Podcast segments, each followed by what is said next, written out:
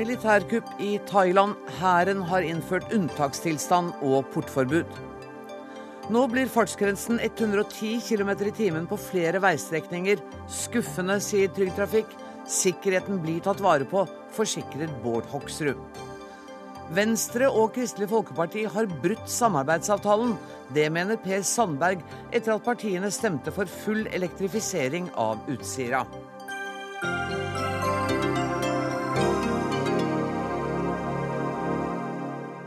Dette er Dagsnytt 18, der vi også skal høre at coachbransjen er i kraftig vekst her til lands.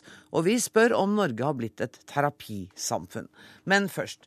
Militæret i Thailand har i dag tatt over makten og innført unntakstilstand i landet, som i lang tid har vært preget av stor uro. 28 mennesker er drept og flere hundre såret i politiske sammenstøt de siste månedene. Med oss på telefon fra Bangkok har vi Stein Tønneson, seniorforsker ved PRIO.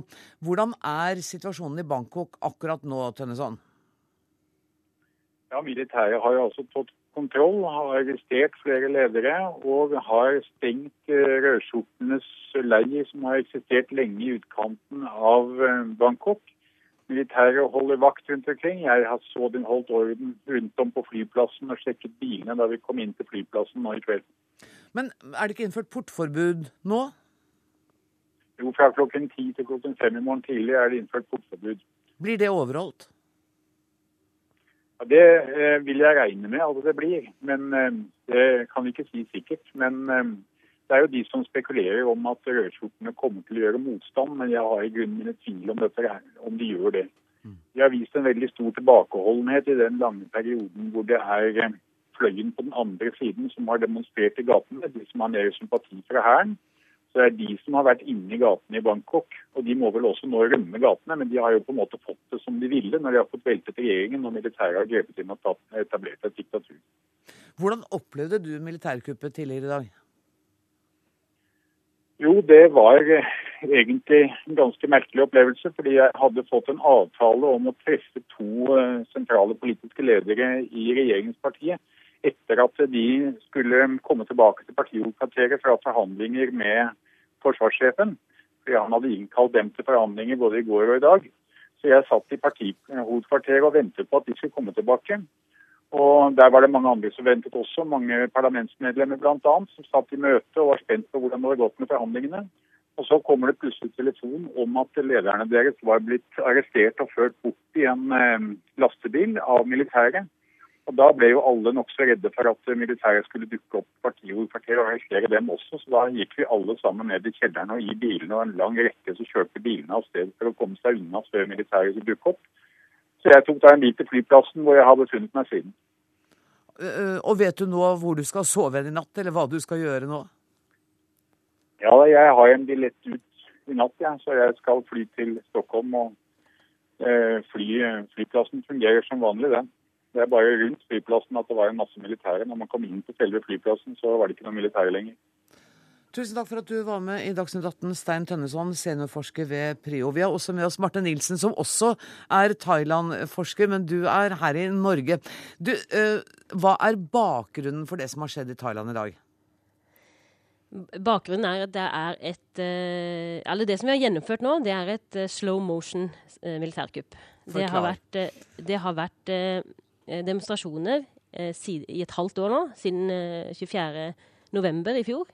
Eh, og målet har hele tiden vært å avsette Yingluck-regjeringen og innføre en eh, overgangsregjering. Eh, enten ved militærkupp eller ved andre måter. Og det er det vi ser kommer til å skje nå. Er, nå har hæren tatt kontroll, og det er to ting general Prayut kan gjøre nå. Han kan enten lyse ut nyvalg og si, og, og, og forplikte seg til en fortsatt demokratisk retning. Eller eh, mer sannsynlig kanskje er scenarioet at han nå vil eh, innsette en overgangsregjering, og da fullføre det. Eh, det lange kuppet som vi har sett nå i et halvt år. Du, det er vanskelig synes jeg, å få eh, oversikt ordentlig over det politiske bildet i Thailand. Og Vi hørte Tønneson eh, refererte til angsten for at rødskjortene skulle komme til å gå til aksjon. Hvem er disse rødskjortene? Rødskjorten er en, en, folkebevegelse, en ganske mangeslunget folkebevegelse, som i stor grad støtter eh, regjeringspartiet nå, eller er lojale da til eh, den nylig avsatte statsministerens bror, Taksin Shinawat. Som har vært i eksil da siden eh, forrige statskupp, eh, militærkupp, som var i 2006. Han har vært i eksil siden 2008. Ja, så, de er, eh, så, eh, så, det har vokst opp altså det, Dette er en sterk maktkamp mellom to elitegrupper, med Taksin på ene siden, og så er det den tradisjonelle eh, eliten på andre siden, hvor da hæren spiller en veldig sentral rolle. Eh, og i kjølvannet av disse konfliktene og denne maktkampen, som har vært pågående nå i over åtte år, så har det vokst frem folkebevegelser som støtter da Eh, Rødskjortebevegelsen er opptatt av at det skal være, holdes demokratiske valg, at Thailand skal gå i en retning der hvor demokrati eh, og valg eh, respekteres. Mens eh, gulskjortene er opptatt av å kvitte seg med det de oppfatter som korrupte statsledere og korrupte politikere. Og Taksin, som jo da blir sett på som den altså, manifestasjonen av et, en korrupt politiker, han er på en måte hovedfienden. Så vi har sterke bevegelser, og disse, disse to ulike bevegelsene brukes jo også av eh, de sentrale menneskene i maktkampen her eh, mot hverandre for å, for å, posisjonere seg. Så det, det, det er et veldig komplisert bilde. Philip Lote, du er tidligere Asia-korrespondent for NRK, og du var i Thailand under det forrige kuppet i 2006. Hvordan har den politiske situasjonen forandret seg siden den gangen? Konflikten er faktisk lik. Altså, du har eh, et stort flertall i nord, som Martin Nilsen snakker om her, som eh, igjen og igjen returnerer Taksin-familien og deres støttespillere til makten når det er demokratiske valg. Og så har du den gamle eliten, som mener at det er deres eh, lodd her og oppgave i livet egentlig å styre Thailand, og som ikke godtar det de mener er en billig, populistisk, enkel politikk som går ut på at Taksin-familien med billig helsepolitikk, billig helseforsikringer. Eh, eh, lurer da, i gåseøyne eh, fattige til å stemme på han og returnerer han til, eller familien hans til regjeringskvartalene. Så den gamle eliten de, de godtar rett og slett ikke at de ikke kan styre sånn som de har gjort i, i flere tiår. Og forrige gang så var det jo, gikk de inn og avsatte var kuppet litt mer direkte. Da avsatte de Taksin selv. Denne gangen så det, uh, gikk hans søster av, Yingluk gikk av, og så var det en overgangsregjering til en viss grad som nå ble avsatt. Uh, og uh, jeg tror at det minner veldig om utfordringen for militæret her, for dette her er en, dette er en konflikt de er nødt til å løse. Dette handler om hvor, definisjonen av Thailand på mange måter. Altså hvordan, eh, hva slags land de ønsker å være. Eh, og jeg tror ikke nødvendigvis at løsningen kommer med dette kuppet heller, men, men det er en fordypning av krisen, og, og det er et eh, veldig tydelig signal om at det er en uh, dyptpløyende konflikt i det thailandske samfunn som de er nødt til å finne en løsning på. Men som de ikke har klart, for dette her er vel det tolvte militærkuppet og det 18. hvis man regner med kuppforsøk, ja. eh, siden ca. 1940. Dette landet har jo en lang tradisjon for det. Er det sånn at eh, da du var der, opplevde du at liksom thailenderne ble litt uinteressert? Altså Jeg snakket med dem i dag også, og, og, og, de sier at ja, det er litt kaotisk, men uh, vi er ikke overrasket. Uh, og så handler det om å komme seg hjem og få handlet litt før portforbudet trer i kraft.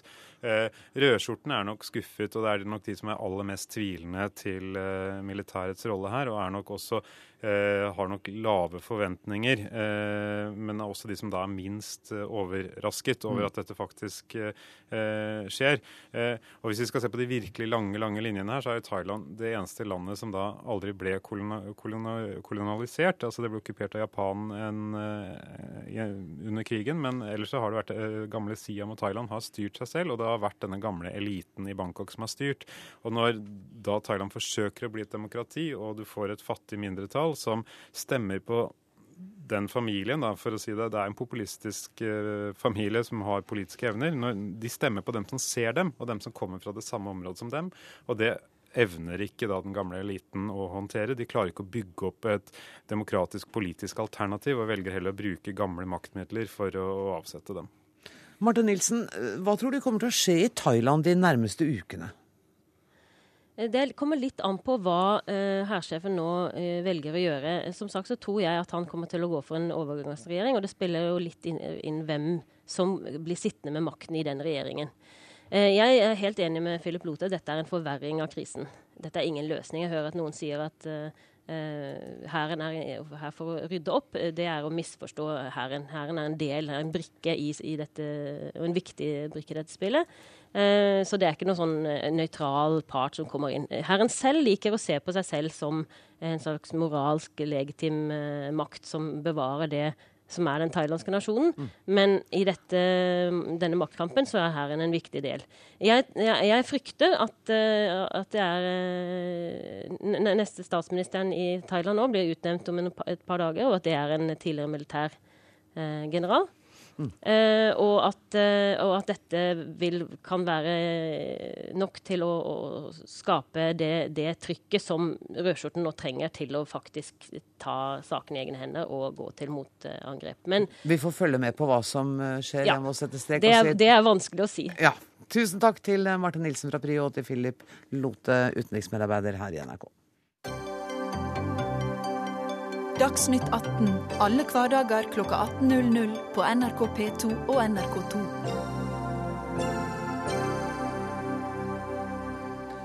I løpet av året blir det lov å kjøre i 110 km i timen på åtte veistrekninger i Norge. Dette er du eh, skuffet over, kommunikasjonsdirektør i Trygg Trafikk Kristin Øyen. Hvorfor det? Ja, det stemmer. Altså, først så syns jo ikke vi det er veldig dramatisk at man øker farten på akkurat disse veistrekningene. Og 10 eh, ja, det er ikke så mye. Men eh, vi vet at eh, det å øke gjennomsnittsfarten på veien, som jo er en følge av å øke fartsgrensene, det øker risikoen for ulykker og tar av sikkerhetsmarginene. Og det mange ikke vet, er jo at allerede i dag, med 100 km i timen, så er gjennomsnittsfarten i venstre fil 110 km. Og så er den ned mot 90 i høyre felt. Så og, du tenker at da vil den bli kanskje 120 i venstrefeltet? Ja, ikke sant. Noen velger jo å legge seg over fartsgrensene alltid, eh, og det vil de gjøre her òg. Og da får du kanskje større fartsforskjeller. Så det vi frykter da, er jo at, og det vet vi at gir, eh, kan gi risiko for, større, for, flere ulykker når du får en større forskjell i fart mellom trafikantene. Så det stiller større krav til trafikantene også i forhold til avstand til forhåndskjørende og eh, oppmerksomhet. Da. Men det er jo bare åtte strekninger det er snakk om. Mm. Hvordan ville dere at denne innføringen av en kanskje en 110 km-grense skulle foregå? da? Ja. Nei, vi tenker at man burde ha innført en prøvestrekning først, øh, og hatt den en periode og sett på erfaringene nettopp i forhold til hvordan gjennomsnittsfarten utvikler seg og forskjellene, og også sett på erfaringer øh, med det. For, å, ja, for, å, ivareta sikkerhetsmarginene i, i trafikken. Ja, Bård Hoksrud, statssekretær i Samferdselsdepartementet. Du har sagt tidligere i dag at uh, sikkerheten er godt ivaretatt om nå disse åtte strekningene får 110 km-grense. Ja, definitivt. Eh, for er det noe denne regjeringen er opptatt av, så er det definitivt trafikksikkerhet. Det er eh, prioritet nummer én. Men det er altså sånn at disse åtte strekningene det er de nyeste og de beste veistrekningene vi har i Norge. I Sverige har man 110-120 km, Danmark har helt opp i 130. Dette er veier som er dimensjonert for 120-130 km i timen. Og det vi i tillegg nå gjør på noen av de gamleste strekningene, det er derfor ikke de åpner samtidig som de første fire, det er å se på trafikksikkerhetstiltak for ytterligere å bedre trafikksikkerheten på de veistrekningene. Men hører og, du ikke hva Kristin Øyen sier, at det hadde kanskje vært lurt å starte med én prøvestrekning. Se åssen det gikk. Jeg hø hører hva Trygg Trafikk sier, men det er altså sånn at eh, på E6 i Østfold for noen år tilbake, da var Trygg Trafikk åpne for 120 km eh, på den strekningen som vi nå setter opp til 110. Det betyr altså at vi er mye mer forsiktige eh, enn det Trygg Trafikk lokalt var for noen år tilbake. Og så er det altså sånn at det vi også vil med dette, her, er at vi sier at nå setter man opp på de aller aller beste veiene vi har, som er bygd for å tåle høyere fart enn dette.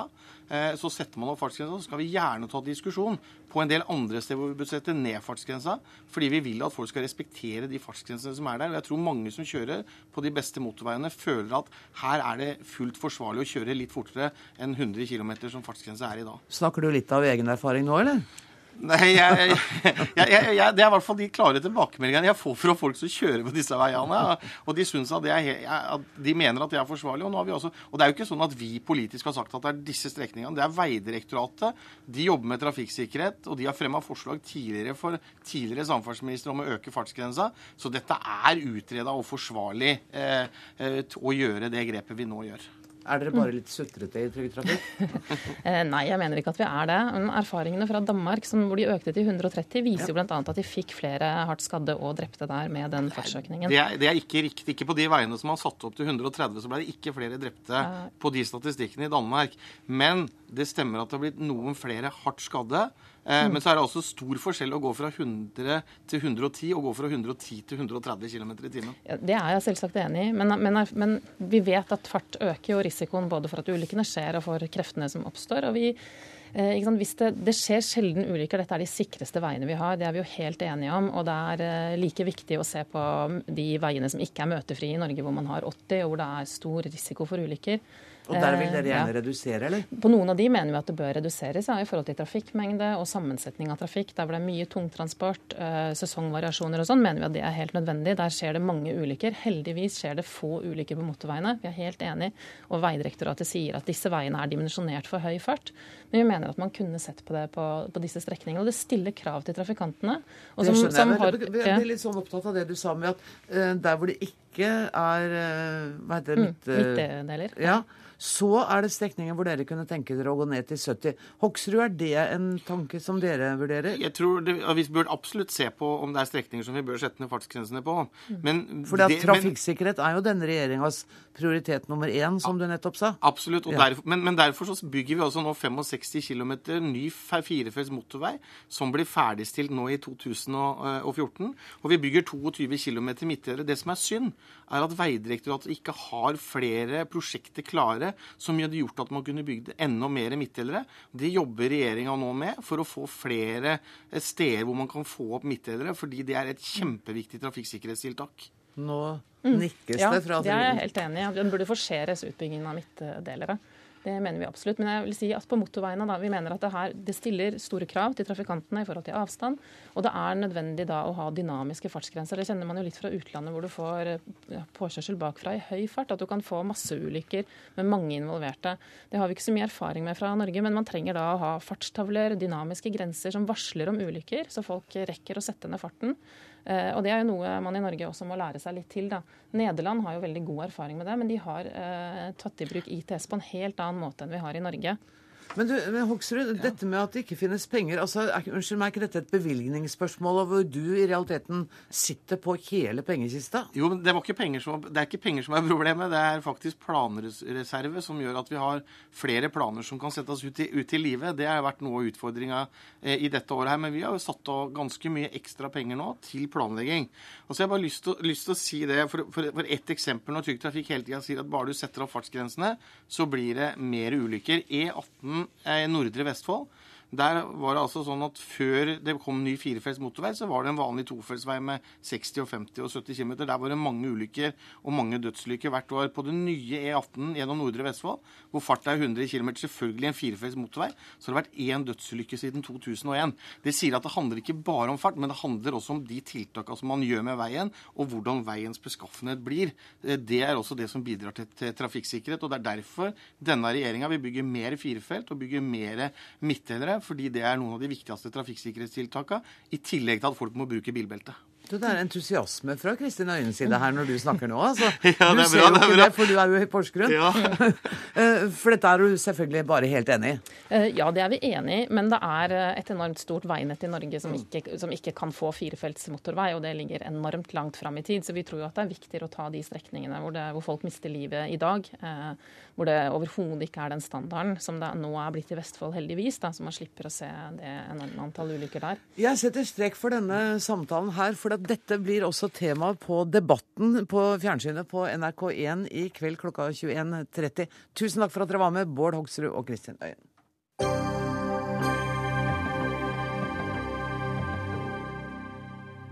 Før helgen gikk Venstre og Kristelig Folkeparti sammen med opposisjonen og stemte for full elektrifisering av Utsira.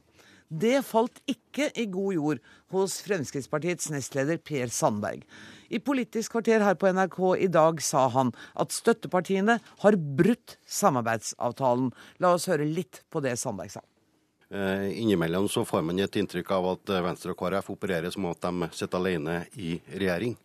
Eh, og når det gjelder Utsira, eh, og det kom jo som en, eh, som en, bombe på oss alle sammen Ikke det at KrF og Venstre ønska elektrifisering av hele Utsira. Men at det kom så brått på, uten at KrF og Venstre overhodet hadde konsultert med oss, noe som ligger i plattformen. Punkt 5G, det er gjensidig. Vi skal snakke med dem, og de skal snakke med oss, og det gjør man ikke her. Men har de to partiene brutt den samarbeidsavtalen som dere høytidelig undertegnet i Vandrehallen i fjor høst? Ja, ut ifra min tolkning eh, så er jeg ikke i tvil om at 5G eh, i avtalen eh, er brutt i, i, i denne sammenhengen. Ja, Vi har selvfølgelig invitert Per Sandberg til Dagsnytt 18, men hadde ikke mulighet til å delta i dag. Og For å ha presisert det, punkt 5G i samarbeidsavtalen handler altså om at partiene må konsultere hverandre før de deltar i andre flertall som vil ha vesentlige budsjettmessige konsekvenser eller berøre saker som er omtalt i avtalen. Kjell Ingolf Ropstad fra Kristelig Folkeparti. Sandberg sier at det kom som en bombe. Hvorfor var ikke dette avklart med Frp? Hvis det kom på ei bombe, så, som en bombe på, på, Per Sandberg, så har ikke han fulgt med på diskusjonene som har vært. Eh, vi har hatt en rekke møter med statsråd, med fraksjonene på Stortinget. og Derfor så vil jeg jo òg si at eh, hvis du ser på det statsminister Erna Solberg i dag sier, så sier hun at de òg bekrefter at det har vært en rekke konstellasjoner underveis. og Derfor så har det òg vært eh, klare signaler om at dersom vi ikke klarer å oppnå en enighet, så har vi vært villige til å bruke det flertallet vi kunne oppnå sammen med Arbeiderpartiet og resten av opposisjonen. Men bomben her her, var jo måten dere gjorde på. Samarbeidet med resten av opposisjonen, pressekonferanse i vandrehallen. Altså, dette var de ikke klar over kom til å skje. De var klar over at vi var i forhandling med Arbeiderpartiet, men jeg tror nok at regjeringspartiene gambla på at Arbeiderpartiet ikke ville gå så langt som de gjorde. Og det artige nå er jo at til og med i dag har vi fått signaler om at eh, eh ekspertene i Statoil som jobber med elektrifiseringa, de har foreslått nå en områdeløsning som vil gi nok kraft til hele feltet. Så hvis Statoil godkjenner den, og resten av eh, partnerne i lisensene godkjenner den, så har vi oppnådd hovedmålet vårt. Og det kan være takket være den enheten vi klarte å få sammen med opposisjonen. Vi skal ikke gå inn i denne denne elektrifiseringsdebatten, men mer på samarbeidsproblematikken. Sandberg sier også sitat Innimellom får han inntrykk av at Venstre og Kristelig Folkeparti opererer som om de sitter alene i regjering. Det er jo veldig spesielt. Eh, sitat. Eh, vi er veldig klar over at eh, regjeringa styrer mye av politikken. Vi har et veldig godt samarbeid på Stortinget. Jeg har hatt flere dialoger og samarbeid og forhandlinger i løpet av dagen eh, om forskjellige saker. Skal ha flere i løpet av kvelden. Eh, og vi samarbeider godt. Eh, men så er det jo sånn at vi er avklart at vi er jo noen saker vi er uenig i. Når en ser på reaksjonen fra bl.a. statsråden i denne saken, så ser en jo at han er jo ikke akkurat enig i den politikken vi har oppnådd. Og sånn er det f.eks. Du kan ta et annet eksempel som vi har i Stortinget nå. Tigger, forbud mot tigging. Det er en sak som vi er oppklagt uenig i, eh, og den lever vi godt med. Og så finner vi forskjellige flertall i ulike saker, men vi holder fast på at vi i det meste skal finne fellesskap med fire partier. Sveinung Rotevatn, du er stortingsrepresentant for Venstre. Eh, nå hører vi at Kristelig Folkeparti mener at dette er helt alminnelige politiske uenigheter. Men Sandberg mener altså at dette er mer alvorlig, og at dere har brutt samarbeidsavtalen. Hva er din reaksjon? Registrerer at eh, Per Sandberg står ganske alene på, eh, på regjeringssida om å mene det. Eh, så det får han å bare mene. Altså Av og til får jeg litt inntrykk av at Per Sandberg tror regjeringa har flertall på Stortinget. Det har den ikke. Og For meg og for Venstre så er det viktig at stortingsflertallet, folkets representanter sin vilje, kommer til uttrykk. Eh, det flertallet er som regel på borgerlig side, mellom Venstre, Kristelig Folkeparti og regjeringa. Men av og til så er den ikke det. Og Utsira er et eksempel på det. Og fra Venstres side så har vi kommunisert hele veien at dette er vårt fremste klimakrav, helt avgjørende for å nå målet i klimaforliket. Og det bør ikke komme som noen overraskelse på Per Sandberg, til tross for at han er veldig imot elektrifisering, at stortingsflertallet mener det samme og var enig med Venstre og Kristelig Folkeparti. Og det er bra, og det er demokratisk. Men, men hva gjør det med samarbeidet mellom regjeringen og uh, de to partiene at Sandberg så tydelig gir uttrykk for at han nå er lei av disse utspillene fra dere? Per Sandberg har jo sagt det her ved en del anledninger i løpet av vinteren, eh, så han virker litt sånn konstant lei, er mitt inntrykk. Men Har han sagt det så tydelig? Nå, han sier jo nå om at han er i tvil om at han ønsker at Venstre og Kristelig Folkeparti skal bli med i regjeringen. Nei, Det får han bare si, men altså det vi forholder oss til fra Venstres side, er det gode samarbeidet som vi opplever hver eneste dag i Stortinget, i komiteene vi sitter i, med regjeringa og på partiledernivå. Eh, og jeg mener jo at det borgerlige samarbeidet siden valget i fjor, eh, om noe har blitt tettere. Altså Ta f.eks. den saken som de fleste mente var vanskeligst å bli enige om, størst avstand, nemlig innvandringsfeltet. Og det hadde de for så vidt rett i, det var krevende. Men der klarte vi bli enige. Klarte å legge en felles politikk der en måtte gi og der noen måtte ta, eh, men der en skal klare nå å styre sammen. Og selv om alle må gi og ta av og til, og selv om det kan smerte for noen, så er det slik at jeg mener i alle fall, og Venstre mener, at samarbeidet fungerer godt. Eh, og jeg håper at Per Sandberg i hvert fall kan åpne øynene litt og se at på Stortinget så fungerer det her stort sett veldig bra. Ropstad, er det dere eller Sandberg som legger snubletråder for framtidig samarbeid her? Altså, Jeg tror vi alle har lært av denne episoden at vi skal bli bedre på informasjon. Og det er krevende i en hektisk hverdag å få tatt nok telefon og sette seg ned nok eh, og, og få tatt en kaffe og få snakke om sakene. Mm. Så jeg skal sjøl ta sjølkritikk på at vi burde vært enda flinkere til det. Men, men, det å hevde at det er brudd på avtalen, som Rotevatn òg her sier, det, det får stå for Sandbergs regning. Jeg registrerer det resten av uh, regjeringa og andre representanter sier. Og det er tydelig på at dette her er en uenighet. og vi kan bli bedre på informasjonen. Vi har fått besøk også i studio av Lars Nehru Sand, som er politisk kommentator her i NRK. Som, da jeg hørte Politisk kvarter i dag, så tenkte jeg hvorfor kommer Sandberg med dette utspillet nå? En liten tvil om at spesielt denne Utsira-saken og prosessen rundt den har provosert eh, flere, eh, selv om posisjonene til Kristelig Folkeparti og Venstre har vært kjente og klare, som, som det blir sagt her. Og så tror jeg nok også at over tid så har flere i, i Fremskrittspartiet og Høyre følt at eh, Kristelig Folkeparti og Venstre har fått uforholdsmessig stort gjennomslag både i avtalen og, og i reservasjonssaken f.eks. og i, i budsjettforhandlingene eh, sammenlignet med hvor stor oppslutning de har. Men det er jo også naturlig at små parti får større gjennomslag forholdsmessig enn de store i et samarbeid. Tror du at uh, ut, uh, uttalelsen til Sandberg i dag var klarert med resten av partiledelsen? Sånn virker det ikke for meg. og Hvis det hadde vært viktig for Fremskrittspartiet å, å, si, hamre inn dette budskapet, så hadde de sikkert klart å stille med én person i, i Dagsnytt 18 nå i, i kveld. Eh, men, eh, men, det har de da ikke følt behov for. Hva sier dette om samarbeidsklimaet fremover, tror du? Det, det, det betyr, er jo at det er uenighet om en del saker, som, som man også har vært inne på her. Og jeg tror den uenigheten... Og det syns du er greit? Jo, men ja, det, er, det, ligger i sakens natur at det er uenighet. Men som Ropstad er litt inne på, så handler dette veldig mye om hvordan ting blir forankra, hvordan det blir forklart, og hvordan det blir eh, presentert på, på, forhånd. Og den kommunikasjonsjobben, den forankringsjobben, den tror jeg må gå seg litt til over tid. Det er nytt for alle fire. Hele avtaleinstituttet som sådan er en nytt fenomen i, i norsk politikk. Eh, og det går også en rød tråd for så vidt til, til, jordbruksforhandlingene, som da pågår også nå i, i kveld, mm. eh, som Ropstad er inne på hvor, hvor, man, eh, hvor man da ikke forankra før staten presenterte sitt tilbud, men man forankrer nå. Eh, noe sent, vil, vil, noe si. Og da tror jeg vi vil se flere gnisninger i fremtiden når, når disse forankringene ikke har vært gode nok, eller opplevd gode nok hos enkelte. Eh, og så tror jeg nok man vil øve seg å bli bedre og bedre gang for gang i å forankre hos de andre partiene. Så din analyse konkluderer i hvert fall ikke med at samarbeidsavtalen nå er kasta på dynga? Nei, nei, nei. Eh, og på kort sikt er det ingen tegn til det. Men uh, du er kanskje enig med Ropstad at den der kaffekoppen dem imellom, samtalene, telefonen, den type uformell kommunikasjon, den bør de bli bedre på? Det tar de jo selvkritikk på også. Ja, og det tror jeg er lurt. Og det er lurt å se på rutinene for det, og, og i hvert fall øve seg og gjøre det, og huske på at man nok heller må snakke sammen en gang for mye enn en gang for lite. Å øve seg på rutiner er aldri dumt. Tusen takk for at dere deltok i Dagsnytt 18, Kjell Ingolf Ropstad, Sveinung Rotevatn og Lars Nehru Sand.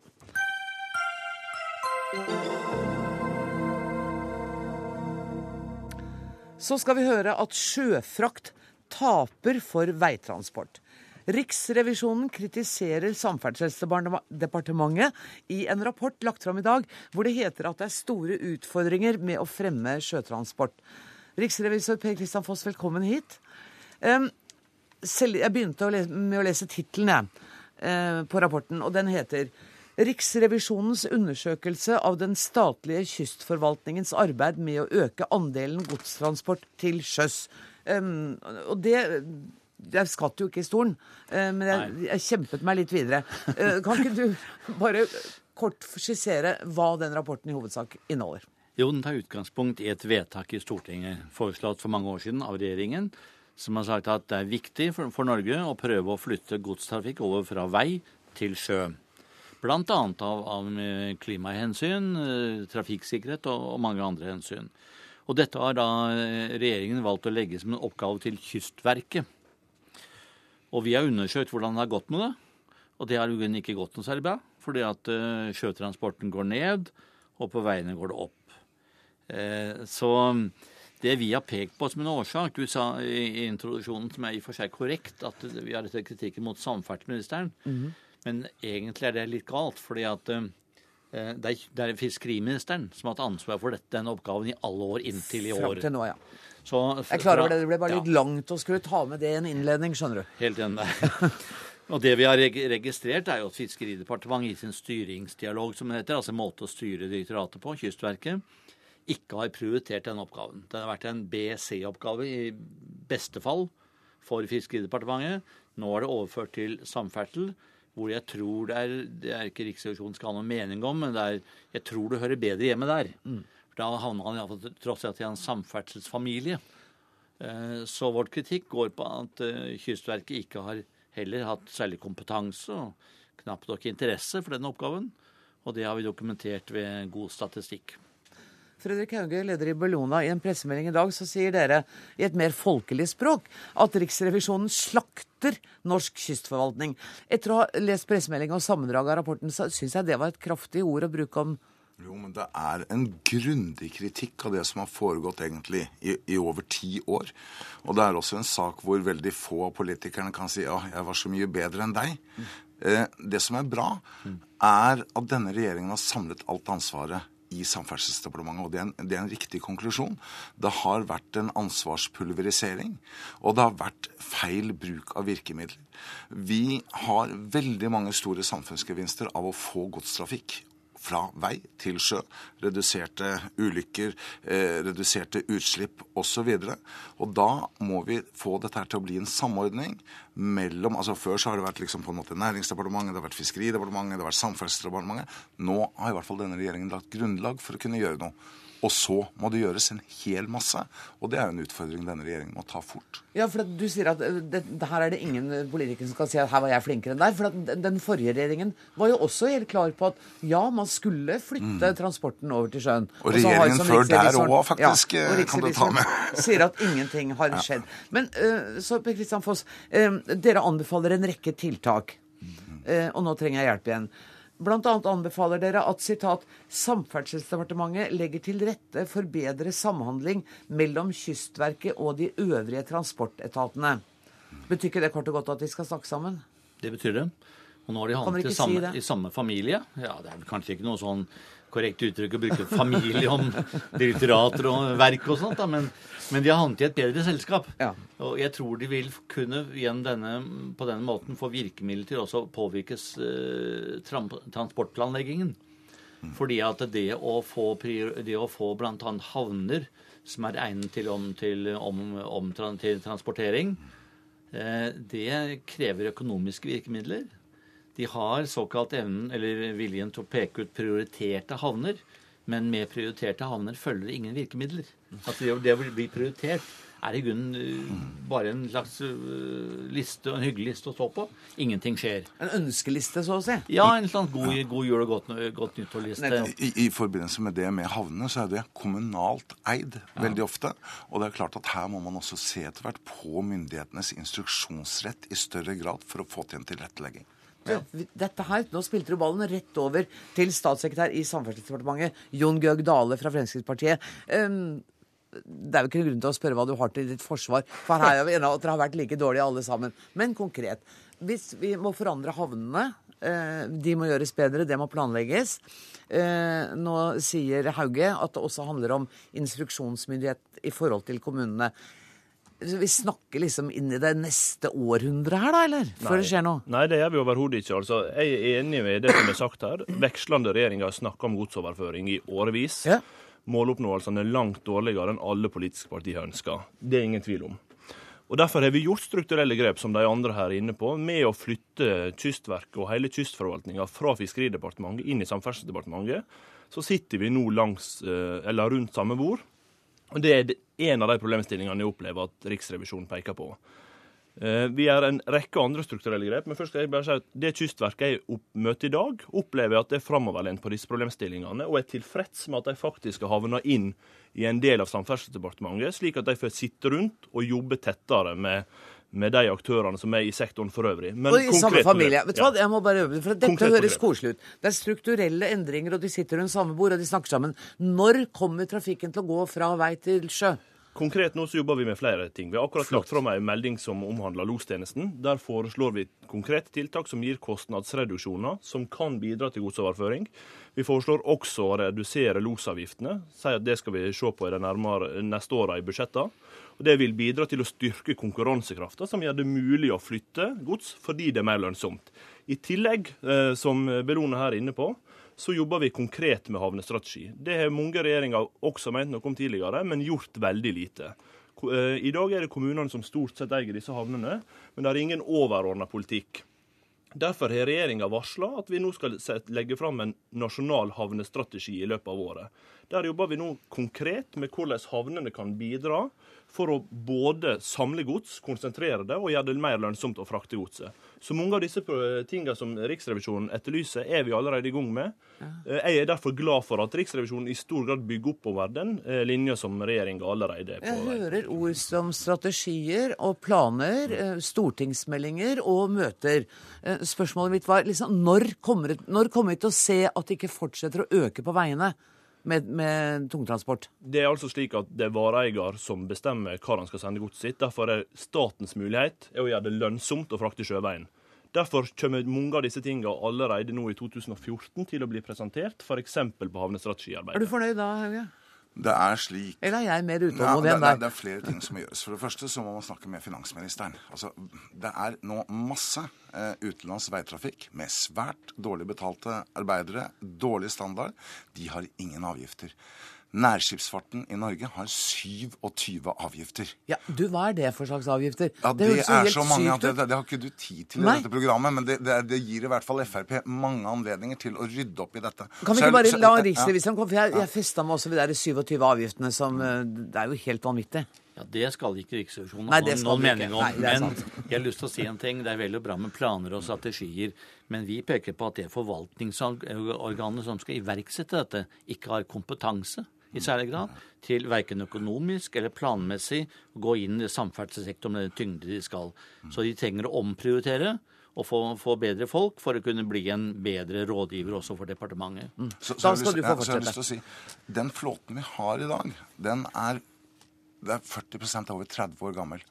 Det har vært påpekt i flere regjeringsoppnevnte utvalg at nå kan vi bruke denne nærskipsfarten til å utvikle nye løsninger. Så ikke bare må man snakke med, med finansministeren om avgifter, vi må også snakke med næringsministeren og Næringsdepartementet for å få til en revitalisering her.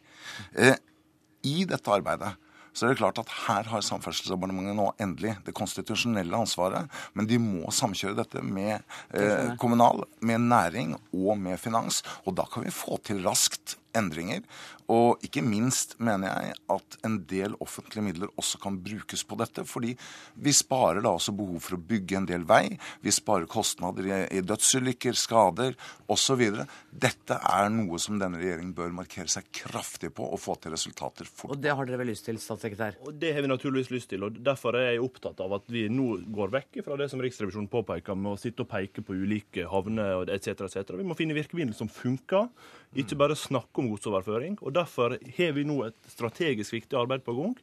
Alle involverte parter kommer til å bli tatt med på rådføring om hvordan vi får til dette. Så er det til sjuende og sist vareeier som bestemmer hvor godset skal gå. Men vi er alle opptatt av at vi greier å vri mer av godset. Det bedrer trafikksikkerheten, det bidrar til mindre kabotasjekjøring, og det bidrar til mer miljøvennlig. Riksrevisor, er du ikke fornøyd med at eh, det er en sånn entusiasme for de forslagene dere kommer med? Det høres veldig bra ut. Vår jobb er jo også å være en rådgiver for forvaltningen, og vi gir alltid en del råd som forvaltningen bruker til å forbedre seg. Jeg er sikker på at Kystverket nå kommer til å gå inn i en prosess med å bli bedre til å utføre departementets planer. Hvis ikke blir dere invitert tilbake hit. Tusen takk for at dere kom til Christian Foss, riksrevisor Jan Georg Dale, statssekretær, og Fredrik Hauge, leder av Bellona. Hør Dagsnytt 18 når du vil. Radio NRK Radio.nrk.no.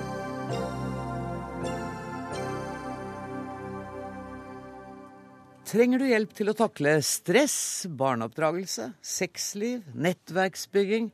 Sjansen er stor for at det finnes en veileder som har hjelp å tilby akkurat deg. For ifølge VG finnes det i dag 11 300 firmaer i Norge som driver med en eller annen form for coaching. Det er en økning på 40% på fem år.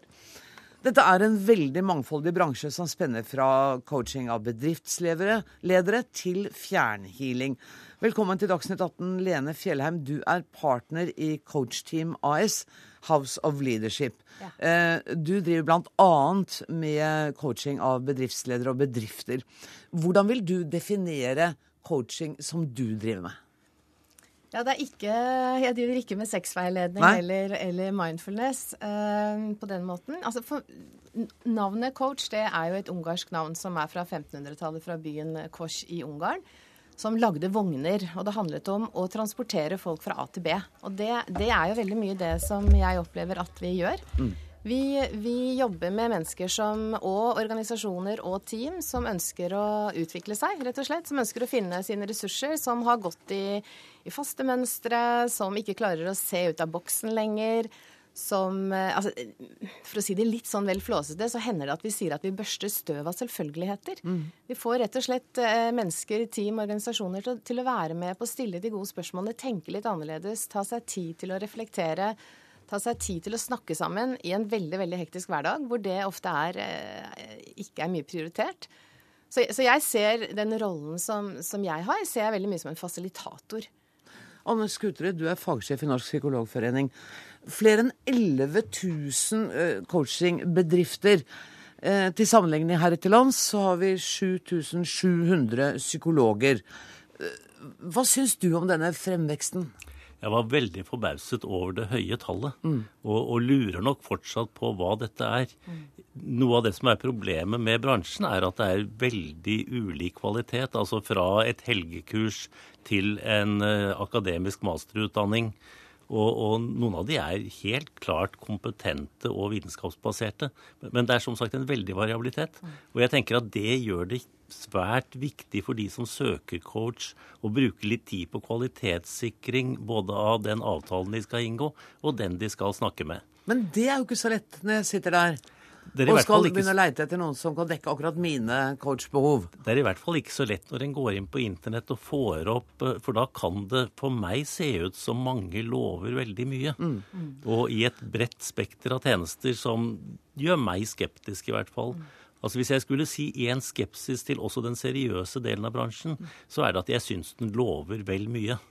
Altså den blir veldig nært det vi innen vårt fag kaller positiv psykologi, som i seg selv er veldig bra, men, men som veldig lett kan bli oversolgt til å skulle skape veien til den store lykken. Mm. Og den er veldig sjelden for oss. Ja, men vi, det er jo den, det er den, store lykken vi er på jakt etter. Men denne filmen, ser du det? At, at, det kan være noen som overselger oh, Ja, men det, det, er jeg absolutt fullstendig enig i. Ja. Altså For det første så forstår jeg heller ikke dette tallet. Uh, og jeg lurer på jeg, Det er et ubeskyttet tittel. Det er også derfor vi er opptatt av lengre etter at det er et vi tror ikke på fast track. Vi tror ikke på et kurs som er fem dager, og så er du blitt en, en dyktig coach. Altså det her handler om eh, å modnes over tid. Dette er modningsfag.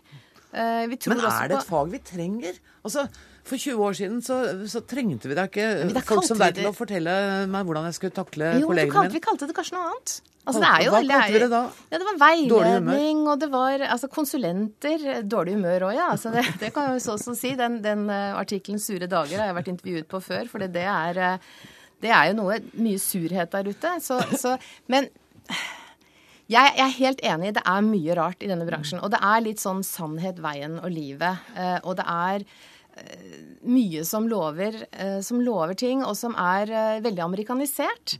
Så, så, så, vi tenker at mennesker er, har mye ressurser. Det er fornuftige mennesker. Når jeg skal eh, når vasken min lekker, så, så, er det ikke en snekker jeg tilkaller. Jeg, jeg sjekker ut referanser. Jeg, jeg, sørger for at eh, de menneskene som jeg kobler på, altså sjekk referanser. eh, Gå inn og undersøk mye. Les de websidene. Hvis de websidene eh, fremstår som at det er gull og grønne skoger, så, så, er, så er jo vi nordmenn vi er ganske realistiske i vår tankegang. Kritisk realistiske. så vil opplever... alle mennesker en eller annen gang i livet ha behov for en coach, tror du? På et eller annet område? Ja, vi liker, altså jeg tror veldig mange mennesker liker å spare med noen, og det trenger ikke være en profesjonell coach. Nei. Men vi trenger å snakke mer sammen, vi trenger å, å, kommunisere, vi trenger å få noe uttrykk for å diskutere de tingene vi, vi, vi, vi er usikre på. Altså det er anerkjennelse og mestring som, som, er noe av det vi trenger mest av, og, og det er det vi ofte får minst av. Men er dere i grenselandet mot behandlere, eller vet dere tydelig hvor grensen går der? Ja, men hvem er vi, da? Jeg, kan, jeg Nei, nå, nå, nå, snakker jeg om ja, deg og ditt ja, firma. Ja, vet du tydelig hvor Hvis en kommer til deg og du tenker at er du helt sikker på at vedkommende skal være her, eller burde vedkommende kanskje gå til en psykolog? Vi er så heldige i, i både i Den norske coachforening, som, som, jeg er medlem av, og i Coachteam, som, som er det firmaet som jeg representerer, at vi har avtalen med flere psykologer. Mm. Og ja, og de, de benytter vi absolutt. Og vi vet veldig godt at vi jobber ikke med terapi. Eh, men det er, jeg ser jo jeg ser bl.a. at det har vært noe annonsering tidligere med sånn traumekurer og money back guarantee og sånne ting. Så jeg er helt enig i at det er mye rart. Så det er viktig at, eh, at, eh, at vi ser på dette markedet som alle andre bransjer og sjekke kvaliteten av det vi er på jakt etter. Ja, for det, det, ble jo gjort for noen år siden et forsøk som du også var initiativtaker til, til å få til en sertifiseringsordning. Og Skuterud, det gikk ikke, det? Nei, her var det for mange aktører som ikke kunne bli enige, mm. så, så, det var nok umulig. Uh, men allikevel så vil jeg nok støtte dette. altså Der hvor det er seriøsitet i bildet, så er det nyttig å ha en samtalepartner. Og den samtalepartner trenger ikke å være psykolog. Så, sånn at det, det, vil jeg gjerne støtte. Vi mennesker har fantastiske evner til å gå bort i våre egne tanker. Mm. Og innimellom er det veldig nyttig rett og slett å lage gode problemstillinger. Så, så, det bare å begynne med det kan være en god vei. Og det bør man betale det, for istedenfor å snakke med en i slekta eller en venn? Nei, men det er der jeg tror altså, De har noen teknikker, så min bekymring er ikke teknikkene. Bekymringen er om de overselger det. Og så har jeg en litt annen bekymring. Og det er at nettopp dette lykkeperspektivet inn i det det er at det er jo et svært press på å forbedre seg og bli perfekte jeg er litt redd for at en går til en coach istedenfor å gå til fagforeninga når det er noe gærent på jobben. Altså den type problemstillinger. At uh, vi ikke finner kollektive løsninger, men at vi finner individuelle løsninger på veldig mange ting. Ja. Men altså, er vi, vi, er mer i retning av sånn individualtenkning enn vi kanskje har vært, særlig i arbeidslivet noen gang? Jeg, jeg tror vi som samfunn også er enda mye sterkere i vei mot å være sin egen lykkes med. Mm. Og, og, så sier jeg ikke det at det er seriøse coachers ikke en problem eller årsak til. Men det er en generell utvikling i samfunnet. Og den tror jeg vi skal ha litt bekymring for. Og det gir også at jeg vil råde coachene til ikke å oversende seg, selge seg. Mm. Og det gjelder i og for seg noen av mine egne medlemmer også. Og det er jo du helt enig i? Ja, jeg er helt enig. Og det er noe med å ha altså vi, vi, Det er bl.a. En, en modell i coaching som brukes mye, hvor man går inn i, i, tre ulike roller. Og den ene rolleren den er jo den som vi snakker litt om, den drømmerollen. Altså å virkelig få lov til å drømme. Og det er kjempefint. Å gå ut og virkelig tenke over hvordan vil du ha det, uten begrensninger, være i drømmerolle. Men så kommer jo realisten og banker på. Han skal få lov å komme inn og se hva er det som er mulig, hvordan kan vi få til dette. Og så inviterer vi også inn at man tar på seg kritikerhatten, Så, så, det er klart at hvis, hvis, det er coacher som bare går på drømmene, og ikke får inn disse andre rollene, så er det jo helt sikkert mange som blir desillusjonert fordi de opplever at, at livet kommer i veien. Men jobben din er jo altså når de har vært i drømmerollen, så vil jo du sitte med ja, nå skal vi se hvordan, hvilke ja. praktiske muligheter vi har for å få til ja. det. Så drømmen min blir jo altså Du sier jo ikke 'vet du hva, Anne, det går ikke'. Nei. Nå må du bare kutte ut. Nei, dette er du for gammel til. Ja, dette, dette det sier du ikke. ikke. Nei, det nøtter jeg ikke. Men altså, hvorfor skal jeg betale penger for det? Jeg veit hvor gammel jeg er. Altså, det høres jo litt rart ut at du på en måte dyrker drømmen min allikevel. Ja, Selv om du det, ser at det er urealistisk. Ja, ja men det, det, gjør jo ikke jeg, da. Hvis det er, eh, hvis, det er eh, hvis, hvis, jeg som er godt over 50 ønsker om å bli den yngste et eller annet, så vet jeg jo at det ikke funker. Eh, men det er noe med at det er kanskje vel så mye som vi jobber med individet. For, for vårt vedkommende i hvert fall så jobber vi inn i team. Og der er det veldig ofte en Det viktigste vi ofte får de til å gjøre, er å tenke sammen. Mm. Det, og de set, å sette av tid, rett og slett. Sette av tid til å, til å reflektere. Sette av tid til å bli enige om hva betyr det å ha respekt for hverandre. For det står jo fine visjoner og, og, sånne ting, og de har verdier i bedriftene. Men de vet ikke hva det innebærer i atferd. Så det handler jo om hvordan er det vi skal tenke. Hva er de gode tankemønstrene som drar oss videre til de målene som, som vi har satt? Og, og hvordan er det, hva slags atferd er det vi skal gjøre med det? Og der kan vi ved gode spørsmål få de til å tenke annerledes. Det ligner jo litt på noe av det en psykolog også driver med. Forandre ja, tankemønstre, f.eks. Ja, ja, det, det, arbeider vi med. Altså ja. endre atferd, tanker og følelser, hvordan hvorledes de henger sammen.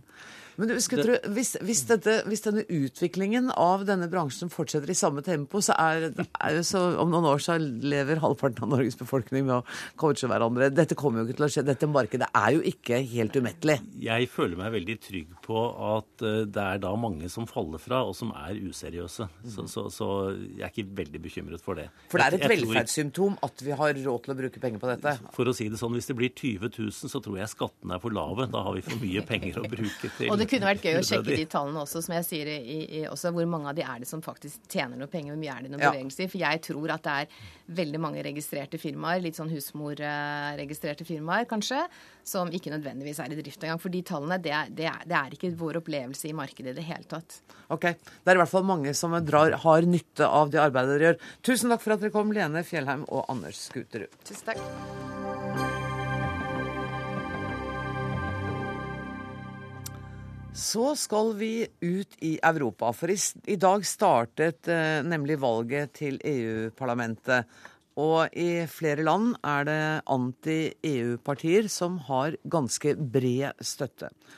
400 millioner mennesker er stemmeberettiget. Nesten 17 000 kandidater er til valg, fordelt på medlemslandenes totalt 751 parlamentsplasser. Eh, det har startet altså i dag, varer til søndag. Og i Storbritannia er det det EU-kritiske partiet UKIP som ligger best an på målingene så langt. Hvordan ser det ut i London, der du er Espen Aas, Storbritannia-korrespondent i NRK? Ja, nå befinner jeg meg utenfor et uh, valglokale i bydelen Merton, som er den bydelen i Storbritannia, faktisk. Et sted i Storbritannia hvor flest uh, går videre og får seg universitetsutdannelse. Så man skulle vel kanskje tro at uh, dette var et valglokale hvor det var stor trafikk, men her er det relativt rolig. Det kom en mann for fem minutter siden og stemte, og siden har jeg ikke sett snurten av, av noen. Så valgdeltagelsen er ikke særlig imponerende. Eh, de mest positive tror kanskje det vil nå 40% men det er fordi det også er lokalvalg, bl.a. her i London og en del andre steder. Mens andre tror vi kanskje kan komme helt ned mot 30 eh, eh, valgdeltakelse. Men Espen, er ikke det litt rart, tatt i betraktning at Storbritannias forhold til EU nå er et tema som det kan altså ende med et, svær avstemning neste år? Ja, eller i 2017. Eller 2017, ja, det. Ja. man jo tro, for David Cameron har i hvert fall lovet at hvis han blir statsminister etter valget her neste år, så blir det folkeavstemning i 2017. Eh, Men folk her er veldig likegyldige til EU. Eh, e de er lei av EU, eh, e både pga. all verdens lover og regler som de mener tres nedover hodene deres, og en stor del av befolkningen stiller også spørsmål ved om det ikke er i overkant lett å komme til Storbritannia og bosette seg å benytte seg både av eh, trygdetilbud eller å underselge eh, lønn hvis man ønsker jobb, som går utover britiske arbeidstakere. I hvert fall er det mye av retorikken til dette UKIP du nevnte innledningsvis som, mm. som går i den retningen. Ja, og når vi snakker om UKIP, så kan vi jo ikke la være å nevne lederen av partiet, som ligger an til å gjøre det veldig godt. Nigel Farage, hva slags politiker vil du si at han er? Han kan på mange måter minne litt om slik vi husker eh, Carl I. Hagen i hans eh, glansdager. Eh, en som snakker rett fra levra, for å bruke det uttrykket. Og som snakker til mange grupper som er luta lei andre politikere som sier en ting og, og gjør en annen ting. Og mannen har jo aldri hatt ansvar for noe her i Storbritannia. Han har riktignok sittet i EU-parlamentet i en hel rekke år. Men han vet hvilke knapper han skal trykke på, vet hvilke følelser han kan sette i stand, men har også hatt noen forferdelige uker nå med heftig motstand fra politiske partier og har fått gjennomgå så det holder i eh, mediene. Men eh, folk har ikke skydd ham av den grunn. Eh, det var en ny meningsmåling i dag som viser at han ligger ett prosentpoeng foran Arbeiderpartiet Labour, som er nest største parti. Riktignok innenfor feilmarginen, men det viser at han har stort armslag før vi får fasiten på søndag. Espen, her i studio har jeg også med meg postdoktor i statsvitenskap Øyvind Brattberg. Jeg vil gjerne tilbake til deg, så hvis det er fint hvis du kan være med oss. Eh, Øyvind Brattberg, hvor viktig er dette valget for Storbritannia når det gjelder Storbritannias forhold til EU? Det er et viktig valg først og fremst som et symbolvalg, vil jeg si. Fordi man står midt oppi en, en heftig eh, debatt om Storbritannias videre forhold til EU. Det er ett år igjen til britenes eget parlamentsvalg, og så har man denne formen for utpressingssituasjon hvor, hvor UKIP kan vise seg å bli største parti. Det er et, et, eh, et, et slagkraftig argument i, inn i den britiske EU-debatten og kommer til å være et slags dolkestøt i ryggen på statsminister David Cameron og hans konservative. Så det er, det er viktig som en, en uh, forpostfekting, tror jeg man kan si, før de tyngre debattene som skal uh, komme det neste året. Men er det viktig for EU? Altså, UKIP i Storbritannia er jo del av en bredere høyrepopulistisk front, om du vil. Det er mange partier, et stykke EU-kritiske partier et stykke ute på høyrefløyen som ser ut til å gjøre knakende gode valg. Og, og, det er klart at hvis, hvis, UKIP blir størst i Storbritannia, er det en veldig tydelig eh, synliggjøring av misnøyen med EU. Man kjenner igjen noe av den samme dynamikken med Dansk Folkeparti og med, med Front National i, i Frankrike f.eks. Men i Storbritannia så har denne debatten en litt særegen form, fordi partiet startet som et, et ensaksparti mot EU, og dermed også denne, der blir også debatten mer tilspisset rundt EU-spørsmålet og rundt spørsmålet om medlemskap spesielt. Og det har jo vært en del uryddige uttalelser fra medlemmer i UKIP, altså som har gått veldig langt i uh, anti-innvandring, litt fremmedhat, ikke bare litt. Altså, Han har jo noe å streve med her, eh, Farage? Det er en, en bred og broket forsamling han har i, i sitt parti. Og, og, dette kjenner vi igjen fra, fra, andre partier av beslektet art. At man har en leder som, som kan slå enhver person i bakken med common sense, og som andre argumenter spretter tilbake på. Han er en meget jovial type. Men så er det andre stemmer i partiet som, som er av litt mer eh, tvilsom karakter, og som man tillater luske rundt i kulissene, og dermed også drar med seg velgere som har en, en litt mer, eh, et verdisett som er litt fjernere fra det konvensjonelle, for å si det sånn. Samtidig som man jo også stjeler eh, stemmer fra Det er den konservative delen eh, av det etablerte konservative som da går over. Det gjør han eh, helt åpenbart, og det gjør hans parti. Og for fem år siden så man en, en tilsvarende dynamikk, mm. hvor UKIP gjorde et kjempegodt valg til EU-parlamentet, og så falt man voldsomt tilbake året etter ved det vanlige parlamentsvalget, hvor velgerne da flokket tilbake til det konservative partiet. Espen Aas, jeg har bare lyst til å spørre Espen, hvor har David, David Cameron forholdt seg til dette på noen måte offentlig? Altså denne konflikten med UKIP nå i det siste? Ja, det har han bare måttet gjøre. Eh, men han gjør det på sin måte. Eh, han fortsetter å forsikre velgerne om at det er ikke UKIP som kan sørge for om Storbritannia kommer seg ut av EU eller ikke. Det er det han som kan gjøre, for han er den eneste som har lovet en folkeavstemning dersom han blir eh, statsminister i, nok en periode.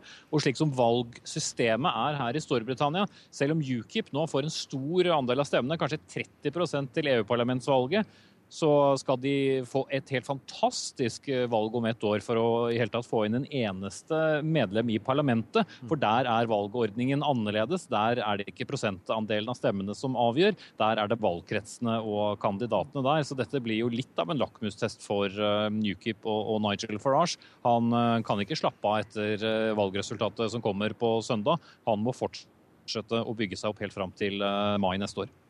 Og det er mye som kan skje. Ikke du heller, Bratt, tør å tippe helt om utfallet her?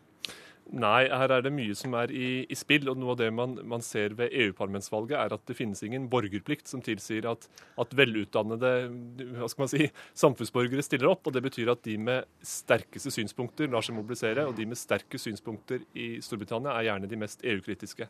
Der, bare... Derigjennom blir det et, et kjempevalg for de mest skeptiske. Dette blir bare spennende å følge med på. Eh, tusen takk for at du kom eh, i studio, Øyvind Brattberg. Dermed er Dagsnytt 18 eh, over for i dag. Ansvarlig for denne utgaven var Alf Hartken.